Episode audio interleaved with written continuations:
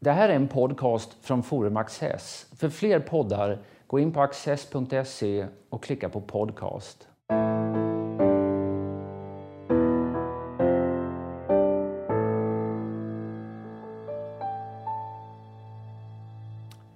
Välkomna till Studio Access. Min gäst idag är Karin Henriksson. Välkommen hit. Tack så mycket. Karin är journalist och författare bosatt i Washington DC. Har rapporterat under lång tid om amerikansk politik och amerikanskt samhälle i svenska medier, kanske främst i Svenska Dagbladet. Kul att ha dig här. Eh, vi ska tala om USA i allmänhet förstås, men kanske särskilt om eh, USAs president eh, Donald Trump. Det finns mycket att säga om dem och du har just kommit ut med en bok i, i ämnet Trump. Ja, Vad mer behöver sägas? Rakt, rakt på sak. Det är som avslutningen på en av hans egna tweets nästan. så här. Ett år har gått här i dagarna eh, sedan han valdes. Har du vant dig vid att han är president? Det där var en spetsig fråga. Jag tror, inte, jag tror att det är få som har vant sig vid det, men um, han är ju president och han vann valet. Det är inte mycket mer att säga om det. Men det, det är ju, händer saker varenda dag som gör att man ändå undrar, hur kunde det hända? Har amerikanerna vant sig? Jag tror att eh, det finns de som aldrig kommer att vänja sig därför att motståndet är så stort och att eh, föraktet, hatet eh, frodas fortfarande i, i en stor del av den amerikanska allmänheten. Sen finns det ju de som älskar honom, som tycker att han gör allt rätt och att alla andra gör fel. Men det finns de som lever för att hata Donald Trump eh, idag? Ja, har, han har ju gett upphov till en hel industri av sajter och böcker. Och, eh, och, och, och ibland får man frågan då som svensk reportör från USA om, eh, om vi inte är för tuffa mot honom. Och, då, att vi ser honom som, från, från ett svenskt perspektiv som en lite löjlig clown. Men i USA är det ju faktiskt så att kanske att de allra, allra flesta är det som vi ändå kallar eliten, intellektuella eliten, affärsmän och så. De ler lite snett när presidenten kommer på tal. Så vi rapporterar ju ändå om stämningarna som finns där. Och även en del konservativa skribenter och tyckare säger ju att ja, jag sympatiserar med jag är, jag är ense med honom om hans målsättningar i många stycken, men jag tycker inte om hans personlighet. Mm. Det är väldigt vanligt. Ja, han är ju uppenbarligen en väldigt polariserande person och, och eh, på valnatten var det ju verkligen och dagarna efter var det verkligen entusiasm hos vissa väljare och fasa och bestörtning eh, hos andra. Eh, har stämningsläget förändrats eh, under det här året? Nej, jag tycker inte det. Och jag tror också att det, det är många statsvetare som tittar på detta med, med, stor oro för framtiden därför att eh, Trumps presidentskap har befäst skillnaden alltså, som, som fanns redan förut. Att eh, demokrater och republikaner knappt kan prata med varandra. Och i, inför helgerna nu, först Thanksgiving och sen jul, har det nog utgått eh, stränga order inom släkter och familjer att vi pratar inte politik. Det är så känsligt. Då råkar man i luven på varandra? Ja, jag hörde en, ja, min man är ju amerikan, så jag, en släkting till oss berättade att eh, en god vän inte kan sova på nätterna hon är så orolig över Trump och hur det ska gå med USA. Och då säger släktingen till, till den här väninnan att sluta titta på tv, läs inte tidningarna. Så så illa kan det vara i en del fall. Det måste vara oerhört jobbigt att hålla på så där ett år. Men om man nu, du beskriver mycket i din bok beskriver personen Trump och han har onekligen ett antal karaktärsdrag som inte är så värst eh, smickrande eh, eller angenäma. Eh, men om man tittar på hans politik, finns det en trumpism? Har han en eh, beständiga åsikter i några Nej. frågor? Ja, det har han ju. Han, har ju. han står ju fast vid muren. Han står fast vid en hårdare invandringspolitik. Han vill ha en skattereform. Han är fortfarande emot Obamacare och en del andra frågor. Men där har ju ingenting skett i mm. princip. Därför att han är ju inte någon skicklig fastän man trodde det, att han skulle komma in som en förhandlare. Ingen dealmaker? Ingen deal i kongressen och uh, istället är han ju i luven på dem. Uh, det vill säga de som han egentligen ska samarbeta med för ett gemensamma mål i många fall. Så det, det, är nog förvånande för många.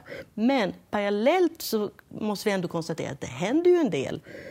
Det fattas en del beslut och på ett område ligger han väldigt långt fram när det gäller till exempel domartillsättningar. Mm. Det har gått väldigt fort och han får ju, där får han ju med sig Republikanerna i kongressen så det kommer då ske en, en konservativ svängning i hela domstolsväsendet som ju spelar väldigt stor roll i amerikansk politik. Mm. Det där är väl en sak som är så att säga, kroniskt underskattad i svensk förståelse av USA, det här hur stor betydelse de domstolarna spelar. Och en hel del politik känns nästan som den är så att säga, utlisad till domstolsväsendet ja, ibland.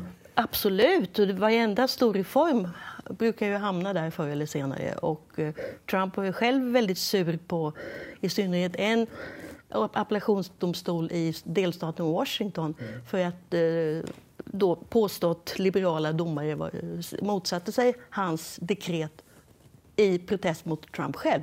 Men nu har han då passat på att se till att när närmsta fyra åren kommer då alla vakanser att fyllas med personer som, som tycker som han. Mm. Eller som tycker kanske som vicepresident Mike Pence eller justitieminister Jeff Sessions som ju är då konservativa republikaner. Ja, för det finns många federala domstolar. Man, tänk, man hör ju talas om högsta domstolen i Sverige men det finns många fler på, på lägre nivåer där eh, man gör politiska utnämningar. Ja, visst och där ärendena avgörs och eh, aldrig kanske kommer till Högsta domstolen och då är det ju nästa instans som, som dömer.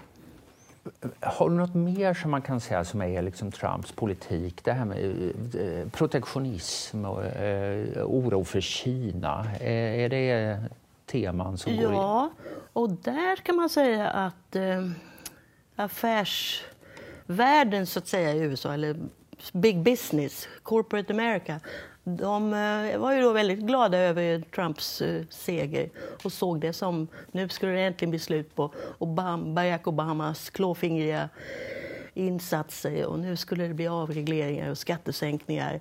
Men de är inte glada över protektionismen. Mm. Tvärtom. Då de börjar bli väldigt nervösa över att det kommer komma någon typ av NAFTA uppbrott från Trumps sida och det vill de ju inte alls ha. Så att, NAFTA är det nordamerikanska frihandelsavtalet? Ja, mellan Mexiko, Kanada och USA. Och han har redan satt käppar i hjulet för det eh, atlantiska och det eh, som skulle ske i Stilla havs Ja, det som heter TPP då som skulle gälla då, där USA skulle vara ledande i Stilla havsregionen och hålla Kina utanför för att amerikanska regler ska gälla. Det var ju ett av de absolut första besluten som han fattade, att träda tillbaka där. Och det har ju visat sig inte vara så klokt. Nu under resan i Kina är ju många som tyckte nå Donald Trump, hur, hur blir det nu då? Ska, ska du gå hårt åt Kina? Och det gjorde han ju inte. Istället har då Kina fått möjlighet, och kinesiska presidenten Xi har fått möjlighet att träda fram och vara den som talar om vi ska knyta världen närmare, vi ska ha mer handel. Medan USA då plötsligt under Trump är ett America first som då kan tolkas som America last för, för resten av, av världen. Ja, de här länderna i Asien som skulle deltagit med USA i ett partnerskap, de försöker nu hitta fram på egen hand. och sånt där. Det är klart att det kan ju ställa USA vid sidan om. Jag, jag, jag far lite efter det här, så att säga. Att det, jag tycker det finns en intressant paradox på något sätt. att Å ena sidan så eh, eh verkar ju Trump nu populärare än sitt parti. Speciellt bland eh, de som är naturligen är republikaner.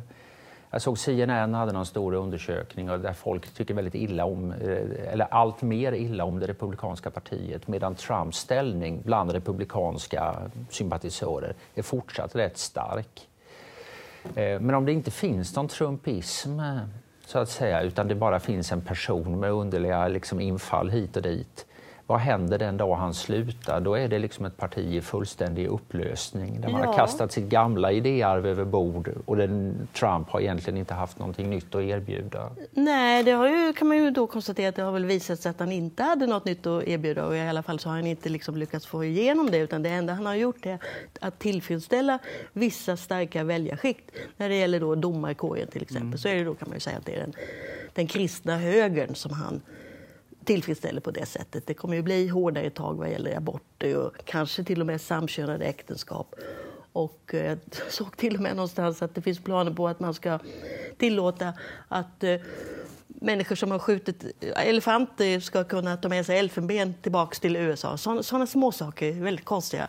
Men eh, tillbaka till din fråga. Ja, det blir väldigt spännande först nästa valår, då 2018, med mellanårsvalet och sen då presidentvalet. För rent matematiskt, så om nu Trumps popularitetssiffror ligger kvar runt 38, kanske något lägre, då går det ju inte att vinna. Man måste ju ha närmare 50 i alla fall för att kunna bli president. Du menar när han själv ska? När han själv ska. Ja. Så det blir han? Ja, om inte Demokraterna lyckas skaka fram någon bättre... Ja, en demokrat blir det ju så att säga, men kommer, tror du att någon republikan kommer att ställa upp emot eh, Trump? Det kanske är tidigt att spekulera. Jag tror det är för tidigt att säga, därför att eh, han, men han är ju också så, det har han ju visat så många gånger att han verkligen kan slå tillbaka, att han verkligen kan mosa folk. Och det skulle han väl verkligen göra om det vore någon som tänkte utmana honom i presidentvalet. Jag vill bara tänka sig hur de tweetarna skulle låta stupid candidate, go home eller något sånt. Ja, han var ju väldigt effektiv just i de här personangreppen emot sina, med den här Little Marco och Lying Ted och allting om sina eh, motkandidater. Ja, jag tycker han var rätt så bra faktiskt. Ja, Low energy Jeb, det är ja. väl jättebra. Och om ja, Elizabeth... Bra eller dåligt, men effektivt, effektivt var det, det effektivt var det i varje fall. Ja. Och den här vänsterdemokraten Elizabeth Warren som har sagt att hon har något indianskt påbrå. Henne kallar han ju för Pocahontas efter den här första indiankvinnan som amerikanerna lärde eller ja, han, kolonial, kolonisatörerna Han verkar vara väldigt bra på att försätta folk ur balans, mm. så här politiska det. motståndare. Och det är det man undrar, är det en medveten taktik eller är det hans personlighet? Och det vet vi ju inte. Jag brukar mm. försöka fundera på det ibland, om, om det finns en plan. Om det han gör verkligen är utstuderat. Om han verkligen har en långsiktigt mål, men jag tror inte det. Om det inte finns någon trumpism och inga liksom mer beständiga värden, eller de är rätt lätt räknade, varför har han så svårt att till exempel hantera en situation som efter de här eh, högerextremistiska kravallerna i Charlottesville? Så att säga. Det är, för en utomstående betraktare är det ofattbart varför en president inte liksom entydigt kan, eh, kan ta avstånd ifrån detta. Och det skulle ju ligga i hans eget intresse också. Så, så vad är det som låser sig där? Eller vad, vad, hur, hur förklarar man det? Antingen tycker han så, att han verkligen är rasist i själ och hjärta. Eller vill han inte lyssna, att han är trotsig som en barn. Jag tänker minsann inte göra som de säger åt mig. Men i just det fallet var det flera dagar där han vacklade fram och tillbaka. Och sen dess har han ju inte gjort någonting som har på något sätt eh, antytt att han är redo att se det multietniska USA som ändå ett faktum. Och just det där, jag tjatar jag om, om domartillsättningarna, men de allra flesta hittills som han har utnämnt är vita män.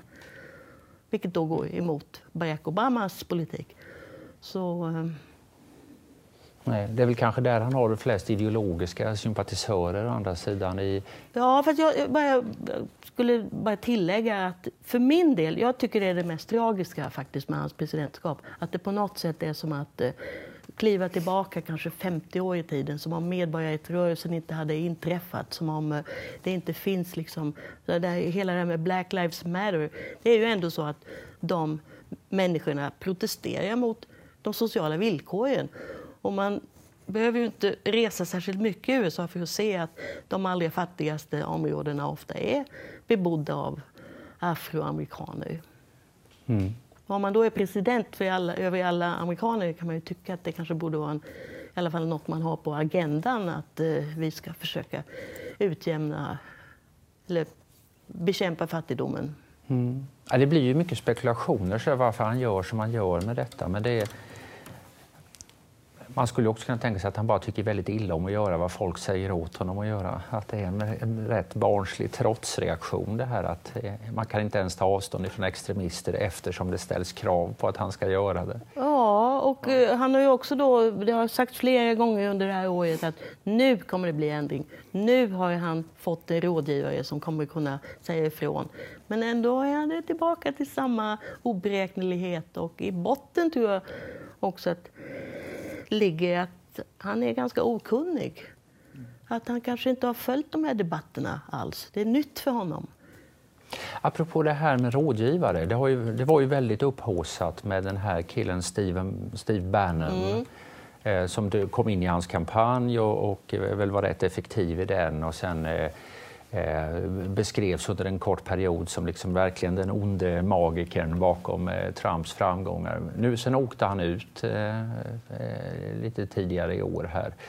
Var det där överdrivet? Eh, fanns det någon sorts eh, ideologisk... Eh, Ja, jag tror... Hade han reellt inflytande? Ja, det tror jag han ja. hade. Men jag tror, att man, jag, tror, jag tror att Trump själv tyckte som Steve Bannon. Och det sägs att de fortfarande står i nära kontakt med varandra. Men ehm, och Bannon, ja, han är ju väldigt skicklig retoriker och, och har argument för sin sak. Jag menar, han är ju då en, en extrem men samtidigt rätt genomtänkt ja. eh, ideolog. Så att säga. Han har sin idé om, och det är väl mycket som du beskriver, ett äldre USA eh, för sig självt. Eh, eh och med min färre konstiga modernistiska eh, värderingar. Eh, ja, ja, och nu verkar han ju då vilja föra krig mot det republikanska partiet, alltså Steve Bannon föra mm. krig mot republikanska kongresspolitiker från, ut, från andra sidan, så att säga, utifrån. Och det är ju inte heller bra för partiet, som vi var inne på tidigare. De är i en väldigt besvärlig sits. Om nu både Trump och den här utomstående kraften ger sig på majoritetsledaren i senaten, då får man ju inte mycket gjort i det amerikanska systemet. Om man tänker på, det, jag tycker det är intressant, de här långsiktiga effekterna också av den här eh, Donald Trump. Vi, vi, har pratat om hur, hur, Republikanerna kan hamna i en väldig identitetskris så, att säga, så småningom här, eller ja, kanske redan har gjort det. Demokraterna. Ehm, jag minns ju hur det var i, Washington på 90-talet när Republikanerna blev allt mer besatta av Bill Clinton och liksom höll på med hans eh, fastighetsaffärer sedan 20 år tillbaka och eh, bisarra konspirationsteorier och sånt där. Så de la enorma mängder politisk och intellektuell energi på rena dumheter så att säga. Får man något liknande nu, så att säga, att vänstern eh, slutar tänka på politik och börjar ägna sig åt att hata Donald Trump eh, på heltid istället? Det är en jättebra fråga. Nej, jag tror att vänstern är... De har ju sin identitetskris. Alltså det demokratiska partiet är ju också splittrat, åtminstone i två falanger, kanske fler. Och nu på sistone har det seglat upp en, mer av en intern kris, nämligen att det trycker yngre generationers demokrater trycker på underifrån. De tycker att ledarskapet är för gammalt. De är ju mm. mellan 70 och 80. Att det är dags för förnyelse. Så det är liksom, de, de har ju ett mycket interna problem att, att pyssla med. Jag tror inte att de, det är klart att de hackar på Trump, men de har inte riktigt satt igång den här eh, Alltså, för man vet ju att eh, även om de kräver riksrätt så kommer det inte hända förrän det blir en eh, demokratisk majoritet i eh, representanthuset. Och det kan ju tidigast bli det om ett år. Så att, eh. För det är klart att de personer inom Demokraterna som på nationell nivå liksom trätt fram och verkar kunna vara eh, liksom, eh, fixpunkter för ett motstånd mot Trump. Då har du Bernie Sanders och eh, Elizabeth Warren som du nämnde. Men de är ju rätt långt till vänster. Så att, Å andra sidan var det, det var eh, val ganska nyligen, bland annat i Virginia, eh, där då en ny moderat, om man så säger, mittenorienterad demokrat vinner stort i, i guvernörsvalet. Är det där ett besked om plötsligt att när, nu, nu har det hetat att polariseringen är så stark här, eh, Trump å ena sidan och rätt, även de andra republikanska kandidaterna var ju rätt eh, hårdkokta ideologiskt och på andra sidan typ Warren, Sanders och sådär, att det är där energin har funnits. Ett jättelikt mittfält är lämnat tomt. Ja. Ja, jag tror att det, i synnerhet... Det där, finns det hopp, eh, om man säger så, om att det ska hända någonting där? Alltså Demokraterna, det finns ju en falang där som säger vi måste gå mot mitten, det är där man vinner, medan då vänsterkrafterna, Sanders, Warren och några till, de säger ju å andra sidan som du, att energin finns vänsterut, bland unga, bland minoriteter. De vill ha den politik som vi vill ha, nämligen allmän sjukvård, kanske väldigt stora subventioner till collegeutbildning. Det är någonting som unga verkligen lyssnar på. Så de, de har den, den konflikten. Och sen, men man kan också säga att Clinton-eran är definitivt över. Mm. Så det kommer, tror jag, att koka upp lite nya talanger som då måste testa, antar jag. Men de ligger i sånt underläge, Demokraterna. Under Barack Obamas åtta år vid makten förlorade de tusen platser i kongressen, delstatsparlament.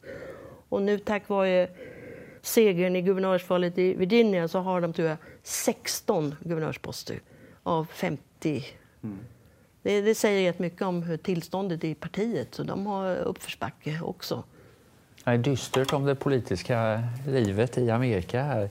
Ehm, du var inne lite på det med domarna. här. Vad, kan man mer säga? Vad har han faktiskt lyckats med, Donald Trump, eh, under det här första året?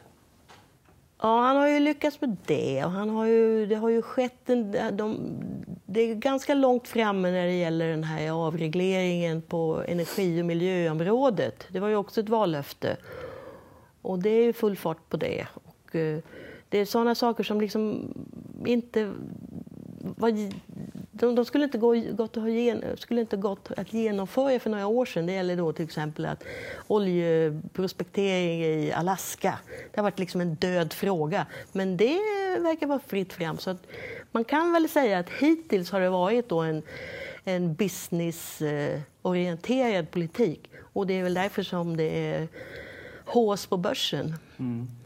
Men de börjar bli lite oroliga där i, i de kretsarna på Wall Street och så. Det ser man i de här tv-programmen när de pratar varje dag. För det stora, ja, ett stort projekt har ju varit det här med att, eh, att riva upp eh, Obamacare mm. och den eh, sjukvårdsreform, eller sjukvårdsförsäkringsreform som han genomförde. Och det där har ju väl gått i stå rätt mycket. Nu är det en stor skattereform som är frågan. Liksom, som, den ska väl definiera 2018, hoppas man. Det är en klar ödesfråga. Om de, det, det säger nog alla, alla, alla säger att blir det ingen skattereform, då ligger Republikanerna verkligen illa till. För då har de visat att de inte förmår att styra skutan.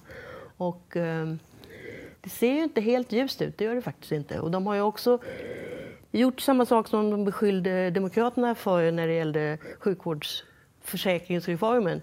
Där var det ju inte en enda republikansk röst.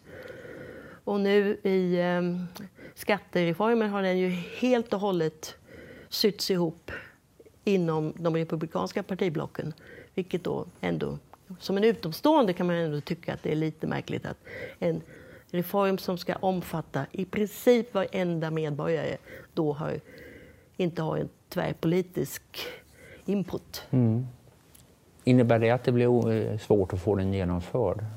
Ja, alltså Demokraterna skulle ju inte rösta för den i alla fall, men jag tror att det finns nog en del republikaner som drar öronen åt sig för att de har märkt att en del inslag inte är så populära i, i deras egna valkretsar. Det gäller en detalj som att amerikaner har möjlighet att dra av den lokala skatten i sin federala inkomstdeklaration.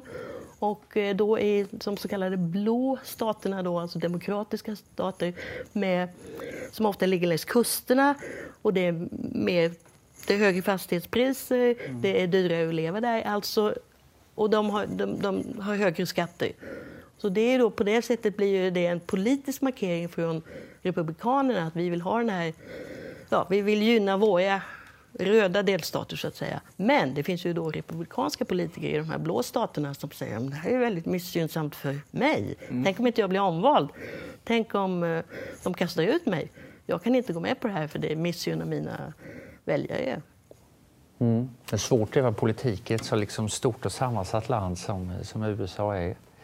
Men det, de har haft det här skattesystemet i 30 år någonting. Ja, sedan 86. Det ja. var ju då Ronald Reagan som genomdrev det. Ja, och då var det ju en tvåpartiöverenskommelse. Och det är omvittnat väldigt bökigt. Alltså, med... Är jättebökigt och det finns hur, och det var som någon sa, ditt avdrag är mitt kryphål. Va? Mm. liksom, det är, det, och det är enorma pengar naturligtvis som det handlar om.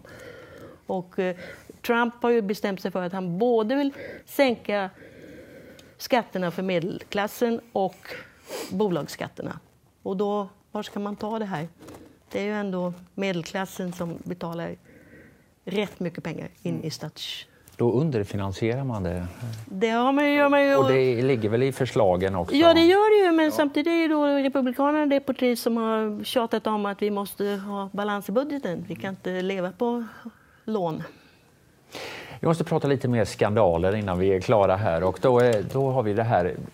Eh, det finns ju nu en eh, Ja, det, det, är verkligen svårt att ringa in vad det här Rysslands problemet är. Eh, men det, är, det undersöks nu av en speciell eh, undersökningsåklagare eh, vad det har förekommit för kontakter mellan Trump-kampanjen och, och, Ryssland och sånt där. Och det är massor med olika detaljer och påståenden och genmälen och sånt där, så vi ska inte fördjupa oss i detaljerna här. Om du ska försöka sammanfatta det, vad, vad, har, det här, vad har kommit fram hittills och, och vad är och vad får det för betydelse?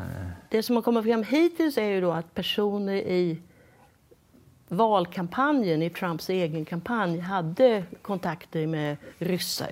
Och hur allvarliga eller hur långtgående de kontakterna var lär ju visa sig rätt snart, tror jag. För att det verkar som att den här Robert Mueller, som han heter, han borrar och borrar och borrar. Och det har ju redan dykt upp lite små detaljer.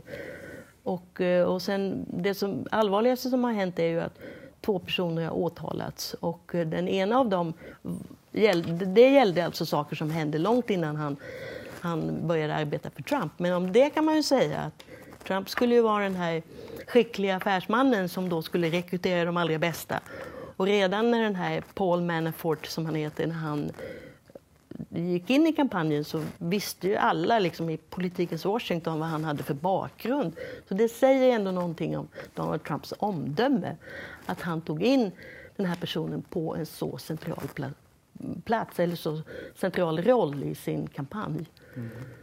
Så hade, på det viset har han ju bäddat för det här själv. Men det är ingenting hittills som tyder på att han personligen var medveten om detta. Det, så därför kan man kanske förstå att han är väldigt irriterad över det här. Att det, men å andra sidan tror jag att när, när det gällde Clintons och Obama så tyckte han nog att det var helt roligt att följa, från, följa de dramerna. Från... Ja, alla råkar ut för såna här legala alla, processer på det ena eller allt slutar i domstol i Amerika, one way or, or, or another. Så här. I anslutning till de här utredningarna så talas det ju om impeachment och möjligheten att avsätta eh, Trump. Hur mycket är detta ljuva drömmar inom vänstern utan någon större verklighetsförankring och hur mycket kan det faktiskt eh, leda till? Ja, alltså än så länge är det ju en, en, en dröm inom vänstern och det har lagt fram lite lösa förslag om, till sådana liksom åtalspunkter. Och sen finns det de då som menar att eh, Trumps affärsintressen som han ju inte har då eh, klippt av, att det kan bli grund för eh, åtal, riksrättsåtal på, på sikt. Men eh, det är svårt, det är en tung process och så länge som då Republikanerna sluter upp runt Trump, vilket de gör, kommer ingenting att hända. Men samtidigt så, så ska man säga också att det är väldigt många konservativa krönikörer. Jag brukar särskilt tänka på Michael Gerson i mm. Washington Post som eh, sympatiserar med de flesta konservativa målsättningar som Trump har gjort, också gjort sig till talesman för. Men då inte tycker att Trump är värdig presidentämbetet. Och det är många som är oerhört upprörda över en president med den personligheten som då attackerar enskilda medborgare och som inte visar någon vilja att sätta sig in i sakfrågorna och, och inte överhuvudtaget bryr sig ibland, verkar det ju som. Han kan säga en sak ena dagen och en annan sak den andra dagen. Så att han har ju inte någon riktigt solid ställning annat än liksom själva maktfaktorn, tror jag. Mm. Och när det gäller avsättningen då är det till, at the end of the day är det en politisk fråga och inte en, en juridisk fråga. Det initieras ju antingen i då representanthusets justitieutskott då, om det ska bli ett riksrättsåtal. Och när det gäller den andra, det 25 författningstillägget, så gäller det då för vicepresidenten eller några av ministrarna och då ett rent misstroendevotum. Och det ska också mycket till om de personer som har honom att tacka för sina upphöjda positioner skulle ta det steget. Mm. Karin Henriksson, stort tack för att du har varit med här. Tack själv. Och här kommer några extra minuter med mig och min gäst. Det, är ju, det känns ju som att här, det här presidentskapet är väldigt speciellt. Eh, inte så att hans väljare inte skulle bry sig alls om de olika politiska förslag han har gått till val på och liksom ändå stått fast vid. och så här. Men, men det känns som att det, valet handlade mycket om någon sorts kulturellt eh, statement också, ett, eh, ett vredesutbrott så att säga. Så att det, hur stor roll spelar det enligt dig om eh, ja, liksom han, förslag efter förslag rinner ut i sanden men han fortsätter twittra och bråka och ha sig. Kommer, kommer hans bas att fortsätta att vara nöjd? Ja, hittills så det är jätteintressant för att eh, alltså det, det, finns lite av liksom ett slags de, de röstade ju på honom som en ikon, tror jag man kan säga. Någon som skulle komma in dit och röra om i grytan. Vilket han ju har gjort, men kanske inte på det sätt som vi andra tänkte oss. Och den klicken av väljarna håller väldigt starkt fast vid Donald Trump. De, de, tycker, de, de beundrar honom. De tycker att han har gjort precis det som han sa att han skulle göra. Men jag personligen tror att eh, det kan komma en svekdebatt den dagen det visar sig att det inte blir den här någon ny fart på de ekonomiska hjulen. Jobben kommer inte tillbaka. Det blir inga lönehöjningar. Fast just nu går ekonomin rätt skapligt va? Ja, fast det gjorde den ju innan också. Mm. Jag, menar, jag råkade stöta på ett eh, uttalande från president Obamas ekonomirådgivare någon gång kanske höst, höst ja, förra sommaren eller någonting sådär. Det var ju liksom en, exakt samma ordalydelse där. Det rullar på, tillväxten är bra, många nya jobb.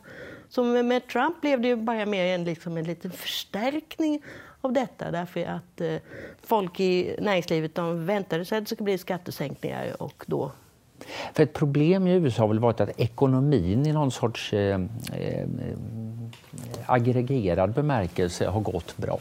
Men att det har inte märkts eh, i, i form av eh, bättre löner och bättre köpkraft för väldigt många väljare. Man kämpar Fast man, man kanske bara blir argare om man har det knackigt själv och så läser man i tidningen att ekonomin går bra för då, då är det uppenbarligen någon annan som tar hand, Säkert, tar hand om vinsterna. Ju, absolut, det finns ju miljoner människor som har blivit av med de här välbetalda jobben i industrin och gruvor. Och det har ju då varit män kanske i hög grad som har haft de jobben och nu är de kanske 50-60. Och uh, i den mån de hittar nya jobb så är det då någon servicejobb med kanske halva lönen de hade tidigare. Mm. Samtidigt som allt naturligtvis blir dyrare. Så att det, det är ju där man får leta missnöjet. Och sen finns det andra sektorer där det går jättebra. Jag menar IT, medier, eh, forsknings, alltså hela universitetsvärlden och så går ju jättebra. Mm. Men där finns inte Trumps väljare? Nej, de finns ju inte där. Och det är en del som menar att hans, hans politik eller, han, eller den republikanska skattereformen som han just ställt sig bakom då, det, den gynnar väldigt mycket storföretag i eh, tillverkningsindustrin till exempel, men inte då just IT, medier och... Så det är liksom en... Liksom hela den här polariseringen förstärks hela tiden. Ett budskap från Trump i, i valkampanjen, det var ju mycket där protektionismen och America first och man skulle inte gå i krig, eh, liksom, eh, ta hem trupperna och så här och, eh, och, och mer skeptisk till frihandeln. Och det där har det väl varit, han har ju för sig inte startat några krig men, men han, är liksom, han har ju varit aktiv i, eller han, men han, USA har varit aktivt i Afghanistan, man har gjort insatser i Syrien och Irak eh, väpnat. Eh, man har stått fast vid sina åtaganden i Nato som det var mycket oro inför och som han eh, skapade osäkerhet omkring, å ena sidan.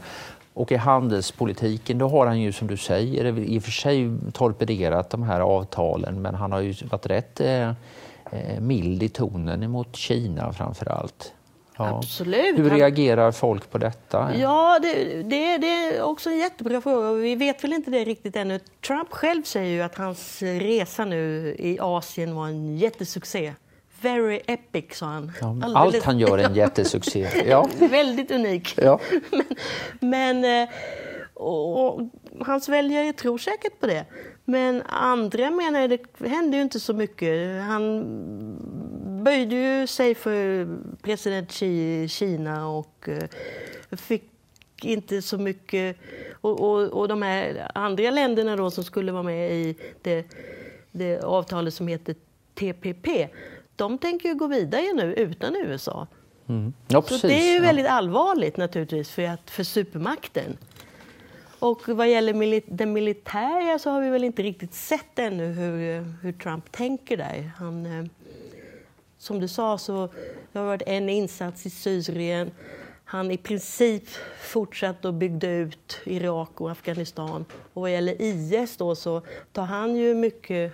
Han menar ju att den insatsen har varit mycket tuffare under mig. Det är tack vare mig som vi har ser, håller på att krossa IS.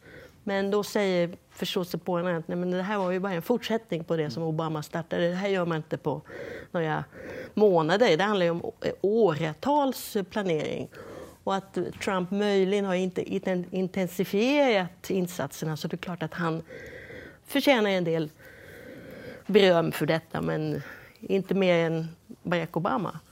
Och sen en annan faktor i det här är ju att han omger sig av så många generaler. Ja, det är ju lite paradoxalt för många av hans eh, kritiker de eh, sätter ju ändå sitt hopp till de här generalerna. Alltså även personer rätt långt ut till vänster som brukar vara skeptiska mot militären verkar tycka att det är skönt att det är generaler i administrationen som i alla fall vet lite om vad ett krig är för någonting och vad en risk är för någonting. Ja, det vet man ju inte heller hur, hur Trump ställer sig riktigt. Och eh, jag var, veckan var jag på ett långt seminarium med en massa utrikespolitiska experter och många av dem uttryckte just oro för det här eh, liksom generaltrojkan eh, där i, i Trumps omgivning. Dels är det då en utsuddning eller, av den här gränsen då mellan det civila och militära ledarskapet. Att USAs försvarsmakt ska ha civilt styre, det har ändå varit en tradition. Och att det är oroväckande då att han omger sig av generaler som kommer från en yrkesarmé så att säga. Och sen har det ju visat sig kanske att den här stabschefen då, förre generalen John Kelly, nog är en mini-Trump. Tycker som Trump i många frågor. Och det visste man kanske inte heller. Om han nu kom från militären så skulle han ju liksom komma in som en disciplin, disciplingubbe som skulle se till att presidenten följde liksom normala regler. Och istället då så kanske han underblåser Trump, det vet vi inte. Ja, nej, jag, jag vet, man vet inte. Men, inte men vet. bilden är, det är ju en evig följetong det här med the grown-ups, liksom, att det är ett antal personer runt omkring honom. Det kan ju vara så också att även om de här tre generalerna som har tunga poster sköter sig utmärkt så får du en sorts effekt av typen att man måste nog vara general om man ska kunna ha ett framstående arbete i en amerikansk regering och det är ju på lång sikt mera eh, problematiskt kanske. Ja, Ja. jag tror det är många som undrar det, hur det ska gå. Jag tänkte på en sak till. Nämligen det här när- du, eh, när du nämnde nu hans asiatiska resa och så ser att många av hans väljare kan nog tro på honom när han säger att det går bra. och sånt där. Jag, jag känner lite grann i detta och, och även när jag själv märker att jag faller in i det att man föreställer sig att Trumps väljare är de minst utbildade och orienterade i, i USA. Det känns verkligen och, och, och massor har ju skrivits om att han har gett röst åt de här bortglömda grupperna och sånt där. Men tittar man på eh, exit poll efter själva valet sånt här så liksom han matchade ju eh, Hillary Clinton bland höginkomsttagarna. De fick eh, kanske inte de allra högsta inkomsterna men, men eh, delar man in det i tre segment då låg de lika ungefär bland höginkomsttagarna. Trump vann bland medelinkomsttagarna och Clinton vann bland låginkomsttagarna.